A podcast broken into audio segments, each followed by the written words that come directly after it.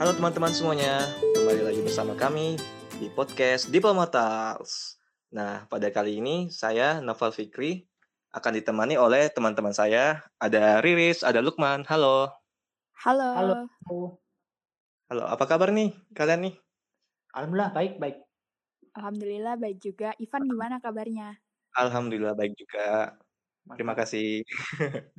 nah, eh, gini, di sini kan kita akan bahas mengenai hal-hal yang ringan lah. Artinya tidak seperti yang kemarin-kemarin itu kan tentang yang kayak konspirasi, kayak eh, pemikiran, kayak sudut pandang Iya. itu tidak. Kita di sini kayak berat. ya ya apa lebih ke sharing pengalaman aja. Oh, Oke. oke. Siap. Iya. Langsung aja nih. Kalau aku tuh pengen nanya lebih ke penasaran juga sih. Kalau kalian tuh selama di Isa Eh, ini dapat ilmu apa aja atau diri kalian itu ada nggak yang berubah? Misalnya dulu begini, sekarang eh, lebih berkembang. Itu gimana? Mungkin bisa dari Lukman. Oke. Oke. Jadi eh, apa yang aku dapetin selama belajar riset HI Sayusi di Sayusi ini ya. Eh, jadi yang aku tahu dulu eh, sebelum masuk ke Sayusi nih, oke. Yang Ya. aku tahu kayak paper-paper gitu atau jurnal-jurnal itu ya apa namanya penulisannya ya sama kayak gitu. Jadi sama semua gitu. Misalnya jurnal dari portal ini, portal A semisal itu eh, strukturnya sama, habis gitu penulisannya juga sama. Terus Mm-mm. jurnal dari portal B juga begitu. Tapi eh, aslinya kan beda. Nah itu eh, apa namanya aku dapatkan dari pengenalan dari Isayusi. Nah selain dari itu juga yang selama ini aku lakuin kalau nulis kayak nulis karya ilmiah atau paper itu kurang memperhatikan yang namanya eh, penulisan paragraf. Habis gitu huruf besar huruf kecil itu yang Ya, sepele-sepele kapital itu gitu yang ya. kapital. Habis gitu yang apa namanya itu eh, gimana sih eh, agar teori konseptual kita itu nyambung sama eh, definisi operasional yang kita kemukakan di riset kita. Nah itu kan juga penting tuh. Ya itu penting banget. Ah, dari situ aku dapat eh, apa namanya kaidah-kaidah dari bagaimana penulisan-penulisan yang dibutuhkan untuk eh, dapat memenuhi yang namanya sebuah riset atau jurnal. Itu sih yang Oke. yang aku dapatkan selebihnya kayak gitu. Oke. Nah, kalau Riris nih, gimana nih Riris? Kalau kamu? Kalau buat aku pribadi yang Mhm. masuk Isayusi di zaman maba banget. Jadi pertama Mhm. kali aku masuk Isayusi itu berarti kan tahun pertama aku kuliah di jurusan HI. Itu tahun Nah, berapa? waktu itu 2017 ya? 2017 ya. Ya, bareng kan Nah, kita? waktu iyalah Oke. aku nggak tahu secara spesifik gitu loh kuliah HI ini ngapain aja kayak belajarnya itu modelnya kayak gimana eh ternyata waktu aku masuk Isahyusi kan banyak kating-kating juga Hmm. ternyata di HI itu kita harus kegiatannya itu mayoritas kayak riset riset critical thinking kayak gitu kan penelitian kayak gitu. Jadi di tahun pertama aku kuliah masuk Isahyusi itu diajarin caranya meriset. Pertamanya agak kaget sih kok organisasinya akademis banget. Udah aku kuliah itu akademis dan masuk organisasi organisasi akademis juga. Tapi ya nggak nyesel soalnya ada ilmu baru gitu loh yang aku dapetin di ISAYUSI nah yaitu tadi ilmu meriset. Uh-uh. jadi yang aku tahu pertama sama kayak hampir sama kayak Lukman itu tadi sih kalau meriset ya udah meriset itu aja tapi ternyata kan formatnya itu berbeda-beda dari portal jurnal satu portal jurnal lainnya tuh berbeda-beda nah yang kita pelajarin pertama di Isayusi kan formatnya IMRAT Mm-mm. introduction method Result and Result. discussion. analysis sama discussion Ya.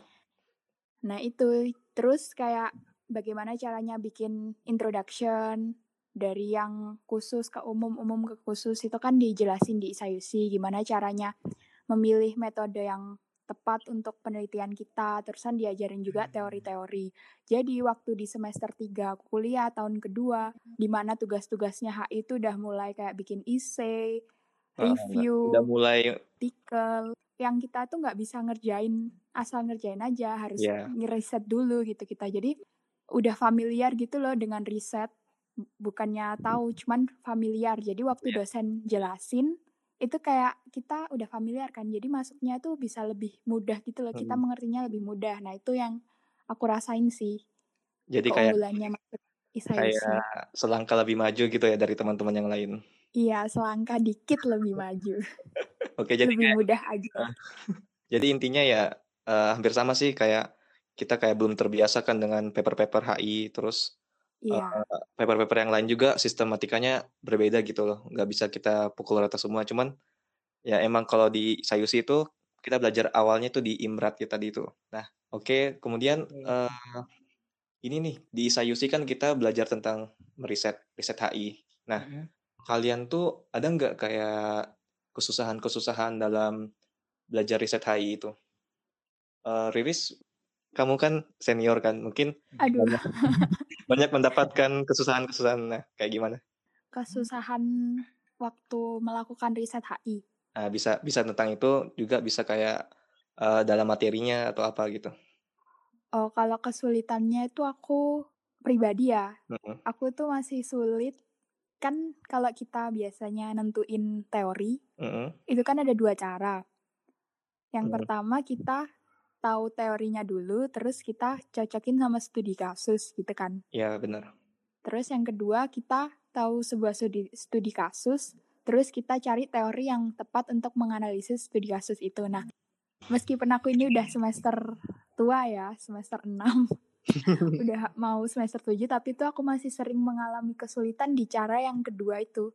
Mhm. Jadi, ketika aku menemukan sebuah studi kasus, itu lebih sulit buat aku nemuin teorinya gitu loh, daripada Daripada dari aku teori terus ke memahami studi teori kasus. dulu, terus mencari studi kasus yang Iya. cocok, kayak gitu. Mhm. Masih struggling, Mhm. iya. Itu aja deh Itu kayaknya. aja. Oke, mmm, kalau Lukman gimana? Apa aja Eee yang kesusahan kesusahan yang kamu dapatkan? Eee, jadi kesan riset itu mungkin ini aku kesan yang emang baru kes apa namanya, eee, basic-basic dari riset. Contohnya waktu itu aku bener-bener susah untuk ngambil judul nih, ngambil judul. Jadi aku Heeh. temanya kan waktu itu tentang corona nih, gimana, eee, negara-negara di Asia Tenggara khususnya Indonesia dan Singapura itu untuk mengambil kebijakan menghadapi corona ini. Nah, eee, Mhm. jadi aku misa jadi aku tuh mau meneliti topik topik tentang virus corona. Nah, teorinya waktu itu kita kan bingung juga tuh, teorinya Mhm. kata Aoki nyoba pakai analisis kebijakan. Terus apa Mhm. namanya, sebelum pakai judul apa namanya, Kebijakan kebijakan diambil negara-negara. nah, itu kita ngambil judul lain sebelumnya, cuman lupa Oh, iya. judulnya. Nah, itu wah bingung banget kan waktu itu. Nah, selain Mhm. itu juga untuk, eee, mencari itu sih, lebih ke mencari sumber-sumber. Nah, sumber-sumber yang relate sama valid itu, Mhm. terus kayak gimana, nah itu yang masih jadi apa ya, hambatan. Hambatannya. Ya. Oke. Eee, oke, jadi kalau masalah riset ya, emang sih kalau tentang pertama kalau kalau yang kayak Lukman tadi ya, tentang judul. Nah, judul itu emang terkadang kita dilema gitu loh, kayak kadang mau milih ini, tapi kayak ada yang kurang gitu kan. Jadi kayak itu kalau apalagi kelompok itu pasti merundingkannya itu rada lama gitu kan. Nah, kemudian kalau masalah tadi tentang sumber-sumber, itu, eee, sepengetahuan aku, sumber-sumber yang valid itu ya misalnya dari data tangan pertama. Misalnya dari kayak pemerintahan-pemerintahan, dari website pemerintahan, itu yang, eee, paling valid sih. Terus kalau masalah yang jurnal-jurnal itu kayak lebih ke misalnya jurnalnya itu sudah publish dengan ada ISNN.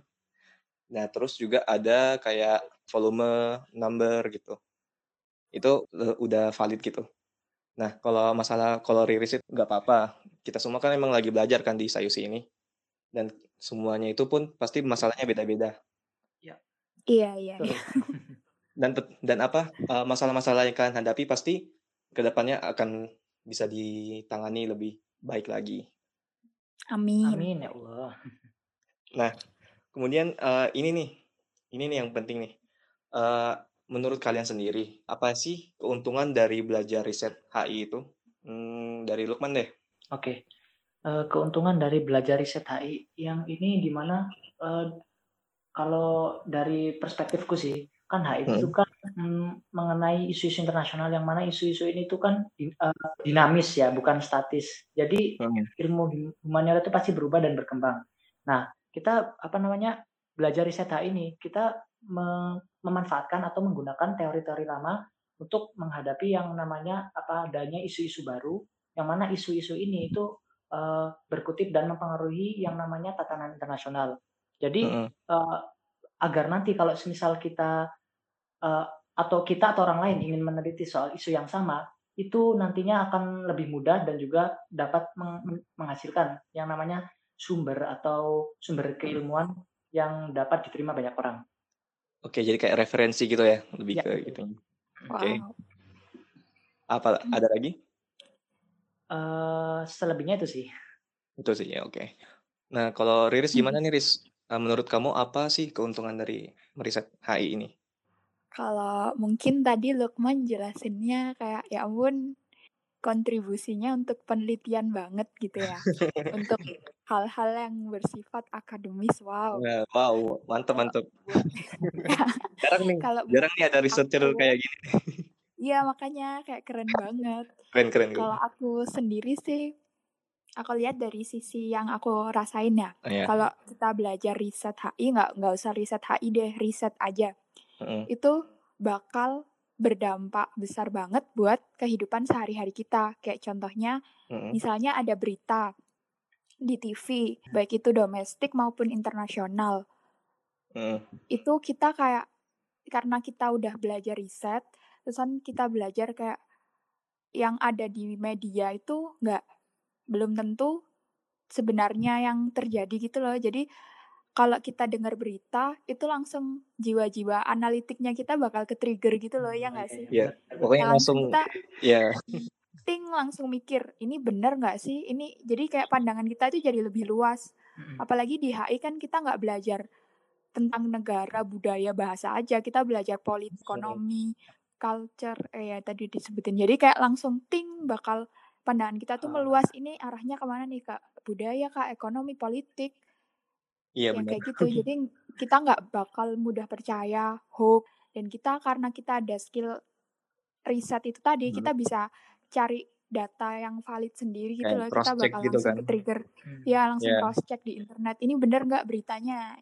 Dan itu nggak hanya di level internasional aja, di level domestik, domestik bisa juga. di level okay. sekitaran kita. Kalau misalnya kita dengar orang kenapa gitu bisa kita gunain skill riset kita yeah. ya jiwa-jiwa analitisnya itu langsung membara gitu. Benar-benar. Ya. itu aja sih. Okay. Sederhana tapi ya kerasa gitu. Kerasa gitu. Ya jadi kalau belajar riset sih kalau menurutku juga ya tadi. Iya kalau Ivan gimana nih dari tadi Ivan nanya oh. aja. Iya iya. Benar benar benar. Oke kalau aku ya. Hmm. Kalau aku sih mandangnya belajar riset itu tadi sama kayak Riris sih bener. Kayak kita itu lebih bisa membangun pemikiran kita yang kritis gitu. Nah, juga kita kayak lebih setingkat lebih atas dari orang awam yang hanya mengetahui seperti dari media media doang gitu. Misalnya kayak mereka lihat berita langsung percaya. Itu kita lebih di atas soalnya kita bisa cross check, kita bisa kritis gitu. Nah, Kemudian uh, juga ini, saya ingat waktu pertama masuk ISAIUSI, hmm. itu cutting ada ngasih pengertian tentang riset kan. Nah, kalau pengertian riset itu kayak riset adalah di mana saat kita melihat suatu masalah dari sisi yang berbeda dari orang lain. Artinya kayak gini, orang lain tuh melihat cuman kayak luarnya doang, tapi kita bisa melihat dari berbagai sisinya. Oh, misalnya kayak, iya, iya. misalnya kayak apa? uh, Amerika Serikat perang dagang dengan Cina. Misalnya kalau orang orang awam kan ya lihatnya kayak wah Amerika nih emang gitu dia terus Cina juga uh, ingin menguasai apa-apa terus kayak emang dua negara itu gitu sering. Iya, iya, iya. Namun kita juga bisa melihat perspektif lain kan. Dan dampak yeah. terhadap negara-negara lain atau perspektif dari berbagai sudut pandang lainnya. Itu mungkin jadi, uh, satu senjata yang bagus Landasan. ya landasan yang bagus bagi kita dalam meriset ini. Kalau aku sih itu aja sih. Iya iya iya. Bener banget. Bener-bener. Nah Setuju. jadi gini, uh, berlanjut lagi ya, berlanjut. Iya. Nah, selama kalian di Sayusi nih, uh, pengen denger dong, uh, kesan dan pesan kalian bagi Isayusi. Oke. Uh, dari mungkin Riris dulu yang paling tua. Aduh, jangan gitu. aku juga tua, aku juga tua. Sama kita. Iya. Oke, oke. Jadi kita kan udah tiga tahun ya Van ya di Iya. Sayusi. Pasti untuk kesannya itu banyak banget sampai nggak bisa disebutin satu-satu. Hmm. Cuman aku bersyukur banget sih dulu waktu maba itu daftar ISAYUSI, milih masuk ISAYUSI kayak bukan pilihan yang salah sama sekali, Hmm. right choice banget. Soalnya di ISAYUSI sendiri kita tuh bisa belajar dua hal di organisasi ISAYUSI. Yang pertama hal-hal yang berkaitan dengan akademis pastinya, Hmm. dan yang kedua hal-hal yang berkaitan dengan organisasionalis Mhm. yaitu. Jadi di tahun pertama kan aku masuk sebagai researcher. Terus di tahun kedua dan ketiga aku jadi General Assembly Mhm. dari Departemen Talent Man- Talent Management. Ya. Waktu jadi researcher tentunya banyak banget ilmu yang aku dapetin di bidang riset, di bidang meneliti, pokoknya yang berhubungan dengan HI. Hmm. Sedangkan di tahun kedua aku memilih untuk return dan jadi GATM itu lebih banyak lagi ilmu yang aku dapetin di Mhm. bidang organisasi. Jadi departemen aku sendiri kan tanggung jawabnya untuk mengatasi masalah-masalah member. Jadi di situ aku belajar buat ngehadepin member-member ISAYUSI, terusan berusaha ngerti masalah mereka, terusan kayak me- mem- membantu mereka buat menemukan solusi dari masalah mereka. Jadi itu tuh bisa jadi soft skill juga. Hmm. Jadi istilahnya kan kayak Kayak nggak cuman akademis doang, tapi apa bisa juga Iya. membantu skill kita berkomunikasi dengan sesama atau orang lain gitu. dengan sama member, terus member. dari- dengan teamwork, belajar teamwork sama direktur sama member-member lain, terusan belajar tanggung jawab. Jadi banyak banget yang bisa didapetin kalau kita itu join organisasi. Ten- Terus tentunya juga teman-teman dengan kita masuk organisasi, apalagi ISAYUSI ini kan khusus anak HI ya, jadi kita itu bisa dapet kenalan kayak kakak tingkat, adik tingkat, teman seangkatan yang kita tuh mengkaji hal yang sama gitu loh hubungan internasional. Jadi kita bakal dapat teman diskusi, teman sharing, orang kita bakal kenal orang-orang yang Yang sama di bidang kita gitu, yang kita iya yang di bidang kita. Jadi pastinya banyak banget plusnya join organisasi kayak Oke. gitu. Mhm. Sangat Aja sih. super super. Oh iya, ada lagi selain Gimana, itu juga Oh. Alumni-alumni Sayusi kan yang sekarang udah berkarir, ada yang sekolah lagi, itu kita juga bisa dapat link gitu loh, bisa bisa dapat koneksi sama mereka dan tanya-tanya kalau dunia kerja itu kayak gimana, kalau mau ambil studi lagi itu kayak gimana. Jadi benar-benar membuka koneksi kita dengan Ya. orang-orang yang sama kayak kita kayak gitu. Oke. Bener bener banget bener banget. Oke. Ya. Nah, kalau Lukman, nah Lukman gimana nih? Oke, eh, sebenarnya aduh kok sama ya, cuman ya benar sih. Tapi ini aku tambahin dikit ya, aku tambahin Iya, dikit. Ya benar. Jadi eh, kalau untuk pesan dan kesan mengikuti Sayusi ini, jadi eh, kita jadi dapat bocoran juga nih dari misalnya kan eh, kemarin itu sesama researcher nih, sesama researcher pun nggak satu angkatan. Jadi ada pula yang dari angkatan eh, cutting. Akhirnya antara apa Hmm. namanya eh, adik tingkat dan kakak tingkat itu ada ada yang namanya eh, komunikasi. Yang dari Komunikasi. situ kita eh, se- yang adik kelas ini itu dapat yang namanya bocoran bagaimana apa namanya bocoran apalah teori-teori atau semisal Mhm. eh, bahan diskusi yang memang itu belum kita dapatkan dan kakak tingkat juga memiliki yang namanya eh, kakak tingkat juga dapat advantage di mana bisa apa namanya mempersuade atau juga em, mengedukasi adik adik tingkatnya gitu kan jadi lebih apa ya lebih dapat trustnya juga selain itu Mhm. juga eh Isayusi ini tergolong santuy tapi serius enak gitu ya jadi kita apa Gimana? dulu kan eh, pertama kali aku, aku diwawancara ini diwawancara kan eh, Iya diwawancara. Gimana eh, gimana? apa namanya yang mewawancara itu bilang kalau apa namanya jadi kamu siap nggak kalau ikut Isayusi soalnya Isayusi ini kelasnya ada di hari Sabtu nah aku dari kata kelas ini bilang wah kelas kok kelas, Kelas bukan form- udah formal beda gitu ini. kan eh, Ternyata Lukman Iya. notice ya. ternyata Notice juga Lukman. Oke. Nah, dari sini ternyata aku kira waduh kelas nih ya. Eh, ya, aku kan nyoba nih, nyoba oke nggak apa-apa Kak gitu. Dan nanti Hmm. kelasnya kita adakan di kafe-kafe. Wah, kelas di kafe gimana gitu kan. Boleh lah kayak gitu dicoba. Yang akhirnya benar juga nih. Jadi di kafe kan suasananya enak gitu kan, enak terus nyaman buat buat apa namanya itu eh, buat belajar iya, diskusi iya. Akhirnya Hmm. eh, apa namanya yang materi-materi ataupun apa itu masukan-masukan itu cepat masuk juga. Yang aku ekspektasiin awal-awal itu kelas di kafe itu gimana ya rasanya kok ini eh, takutnya nanti malah nggak kondusif atau kayak gimana. Eh tapi ternyata kondusif banget dan materinya kompleks masuk dan juga asik gitu. Ya gitu sih Hmm. pesan dari aku buat Isayusi. Buat Wah. ke depannya juga kalau bisa dipertahankan yang apa namanya konsep-konsep atau metode yang kayak gini dan semoga juga ada dari yang namanya eh, penerus-penerus Isayusi ini buat term-term selanjutnya biar yang supaya Isayusi ini tetap Iya. apa ya tetap berputar hidup gitulah. Ya, oke. Amin. Siap, siap. Ya, Yang aku belum kasih pesan loh. Oh iya ya, kalau kamu gimana, Riz? Pesannya ya tentunya untuk member-member yang return dan akan menanggung tanggung jawab untuk term selanjutnya itu tetap semangat. Karena yang Heeh. kalian lakuin ini nggak mungkin nggak berbuah gitu loh. Pasti itu apa yang kalian lakuin dengan niat dengan tekun itu pasti bakal berbuah di masa depan kalian. Nah Benar, seperti yang aku rasain kayak bersyukur banget gitu bisa masuk Isayusi terus jangan lupa jaga kerekatan antar anggota biar makin kompak Isayusi terus biar makin bisa saling membantu satu sama lain gitu bermanfaat Ya, benar. Gitu sih. Nah, dengar tuh Lukman. Oke. Iya, Iya, iya. Siap. Nah, Lukman, Lukman kan yang meneruskan nanti kita. Iya nih Insya calon-calon Allah ya. bibit emas. Oh, Bibit Mas.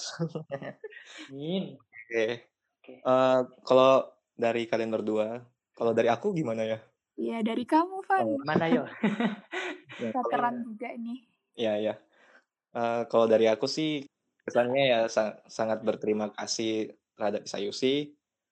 Eh, dulu itu ya sama kayak hampir sama kayak Riris kayak kurang mengetahui tentang HI itu apa. Terus setelah masuk bisa jadi tahu jadi seperti sekarang ini.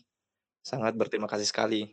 Juga di Sayusi pun saya bisa berkembang. Dulu itu kayak diam-diam, sekarang udah kayak ya lumayan ngo- ngomongnya lumayan ini sih, lumayan banyak sih. Nah, itu sih kalau anunya terima kasih saya. Terus juga untuk pesannya eh, member-member ke depan lebih mempererat hubungannya sama kayak Riz tadi. Hubungan itu yang pesan- sangat penting gimana? Itu merupakan landasan kalian untuk mencapai tujuan-tujuan kalian. Kalau landasan itu nggak kuat, tujuan-tujuannya pasti ya mungkin ter- telat untuk tercapai. Nah, kemudian Iya juga benar. kalau ini kita sebagai organisasi riset atau yang akademik akan tetapi kita juga tidak boleh lupa tentang eh, nilai-nilai moral kita. Jadi kayak selain pintar kita juga bermoral. Itu the best banget. Betul sih. Hmm. Nah, itu harus Ya betul. dipertahankan dari Sayusi. Oke. Mungkin itu aja untuk episode kali ini. Sungguh sangat banyak sharing-sharing pengalaman ya. Dari- apalagi dari aku dan Riris kan udah tiga tahun ini Wah. udah mau berpisah. Iya jangan lupa nih Sayusi ya kita. Jangan lupa. Oke, itu aja untuk episode Eh, kali ini. Bentar, bentar, bentar. Eh bentar bentar bentar. Kenapa kenapa? Ada lagi nih pesen. Tadi kan pesan buat member-member yang mau return lah untuk Ah, member-member yang hampir alumni khususnya yang udah mau Oh. veteran ini Iya. yang udah tiga tahun dua tahun di Sayusi Iya, yang iya. udah mau skripsi amin Amin. Itu amin. ilmunya dari Sayusi jangan dilupain Mm-mm. terus selalu kita amalkan untuk masa depan di dunia kerja di dunia luas nanti di real world itu kita amalkan ilmunya dari Isayusi supaya berkahnya itu juga ngalir ke Isayusi juga ngalir ke yang ngasih kita ilmu ngalir ke teman-teman kita yang kita ajak sharing-sharing jadi biar berguna di bidang akademis berguna di bidang di, Di masa depan kita ya masa depan kita. dan semoga berguna juga buat orang-orang di sekitar kita amin Amin, amin, amin, amin. Oke, kalau dari saya sendiri juga, ya sama kayak tadi, jangan lupain teman-teman kita semua yang di sini yang berjuang sama-sama. Kalau sukses, kita sukses bareng. Oke, kita semuanya pasti bisa. Amin. amin Amin. super sekali Betul. Super. Oke, Eee, mungkin itu aja untuk podcast kali ini. Oke. Sangat haru banget ya, terharu Iya. Kok emosional ya? Emosional. Emosional. Padahal masih ada waktu beberapa bulan lagi. Iya, makanya. Nah, oke. Terima kasih untuk Riris dan Lukman yang telah meramaikan podcast Iya. ini. Terima kasih juga Isa Yusi sama Ivan yang udah ngundang kita. Tunggu sekali. Makasih, sama-sama. Iya. Sekian aja episode kali ini. Semoga bermanfaat bagi kita semua. Assalamualaikum warahmatullahi wabarakatuh. Bye-bye. Bye. Bye.